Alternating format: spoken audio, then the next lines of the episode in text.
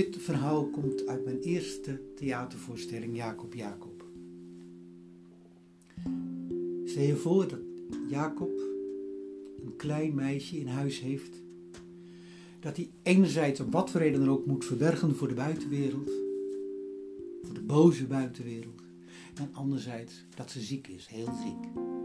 En ze ligt elke dag op hem te wachten en als hij dan s'avonds thuis komt, dan denkt hij vaak, wat kan ik doen? Om de werkelijkheid van dit meisje ietsje draaglijk, ietsje beetje mooier te maken. En dan vertelt hij verhalen. En een van de verhalen die ze het liefst hoort, is het verhaal over de wolken die als watten zijn. En dan vertelt hij over een koning. Elke keer weer over een koning van een groot en machtig land die zijn uiterste best doet voor de mensen die in het land wonen dat het goed met hen gaat, dat ze gezond blijven. En maar, hij heeft ook een dochter. En die dochter die is ziek. De prinsesje is heel ziek. En uiteraard wil, zijn vader, wil de vader ontzettend graag dat het meisje weer beter wordt. En doet er ook alles aan. Gebruikt al zijn macht en zijn invloed en hij haalt de beste doktoren van over de hele wereld, of in ieder geval van het hele land en verder de hele wereld naar zijn paleis toe om zijn dochter beter te maken. Hij zei, spring, alsjeblieft, maak mijn dochter beter.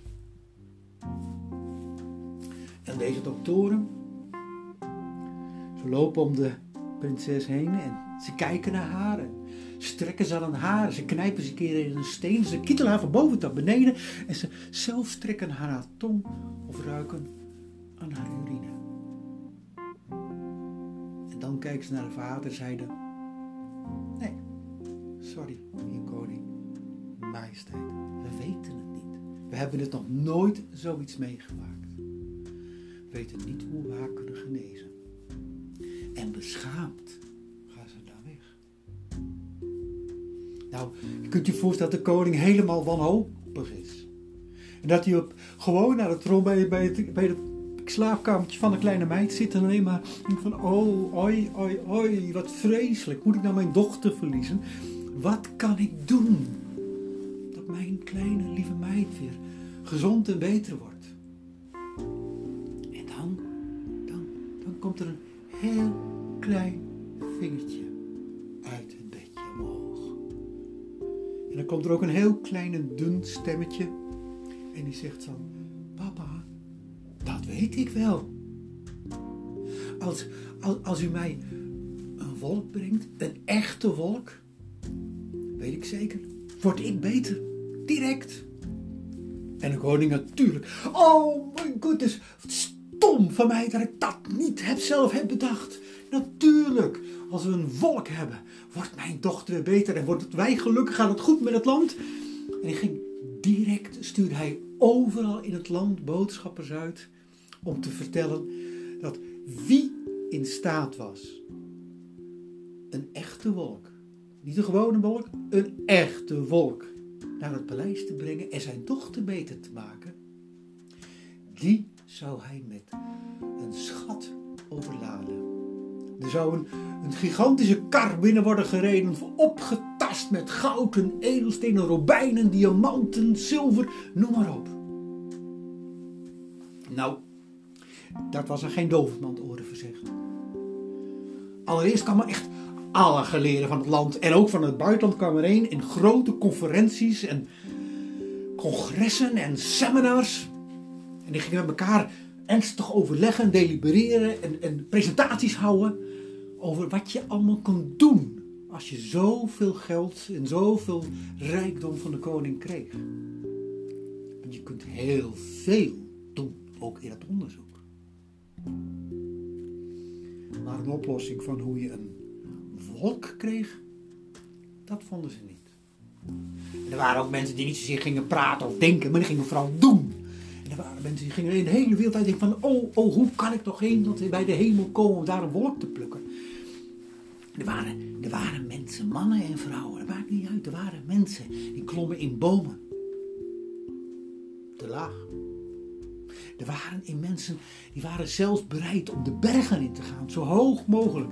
En zelfs als je het geluk had, op top van die berg, zelfs nog een boom. Dan niet. Kwamen ze niet bij de wolken. En ook niet van de ijzige kou van de eeuwig besneeuwde toppen. Nee, nee, dat was te ver. En er was zelfs één dappere die zich vastklampte aan de poten van een reusachtige adelaar. Maar zelfs deze adelaar was niet sterk genoeg om hem omhoog te krijgen tot aan de hemel. En hij was zo zwaar.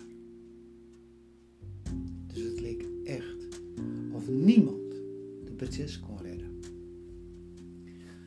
Nou was er wel zo dat in, het, in de tuin van het paleis ook nog een tuinjongen was.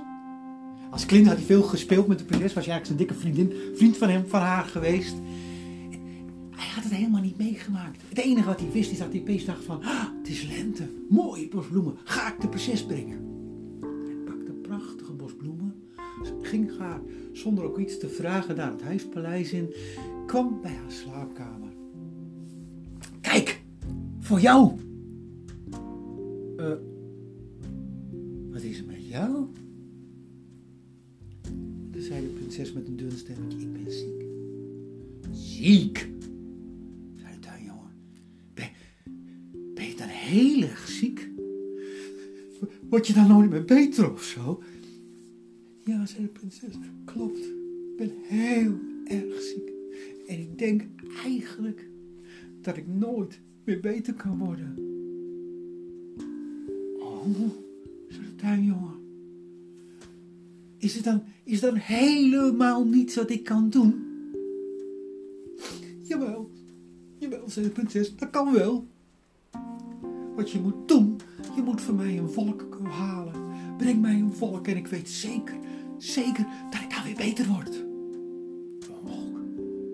Ja, zei ze, een echte wolk. Ah, natuurlijk een echte wolk. En dacht de tuinjongen, geweldig, dat ga ik meteen doen. En hij rende al de deur uit en stopte toen even. Uh, prinses, maar hoe herken ik een echte wolk? hoe weet ik waar een echte wolk van, van is gemaakt? En toen begon dus de prinses enorm te lachen. En natuurlijk, ah, dat weet toch iedereen? Iedereen? Echte wolken zijn van wat gemaakt? En, oh, zei de, ja, en, en, hoe groot zijn ze dan? Nou, zei de prinses. En deed haar hand ongeveer een halve meter uit elkaar. Zo groot. En toen wist de jongen het. En voor de prinses een goede wel ergen had, was weer terug. Met in zijn hand een prachtige grote wolk als een hoofdkussen. Hij gaf het aan de prinses. Zij straalde. Op dat moment beter. Haar vader blij, haar moeder blij, land blij. Een groot feest waar, waar een gigantische kar opgetast met goud en edelsteen, diamanten, robijnen, u weet het nog allemaal, zo de zaal binnenkwam. En dit was het cadeau, de dankbaarheid van de vorst voor deze eenvoudige tuinjongen. En toen zei de prinses. En toen zei Lina. Nee, Jacob. Nee, Jacob, wacht even. Hoezo? Nee, zei Lina. Zo werkt dat niet. Echte held heeft geen beloning nodig. Een echte held heeft helemaal geen goud en edelzitten, robijnen en zilver en wat ook maar nodig. Nee, een echte held gaat trouwen met de prinses. Ja, dacht Jacob. Als zo'n meisje jou vraagt om met een heel klein leugentje het verhaal te veranderen en daarmee het leven ietsje, ietsje mooier te maken, dan doe je dat dan. De prins, de prinses en de tuinjongen. Zij trouwden.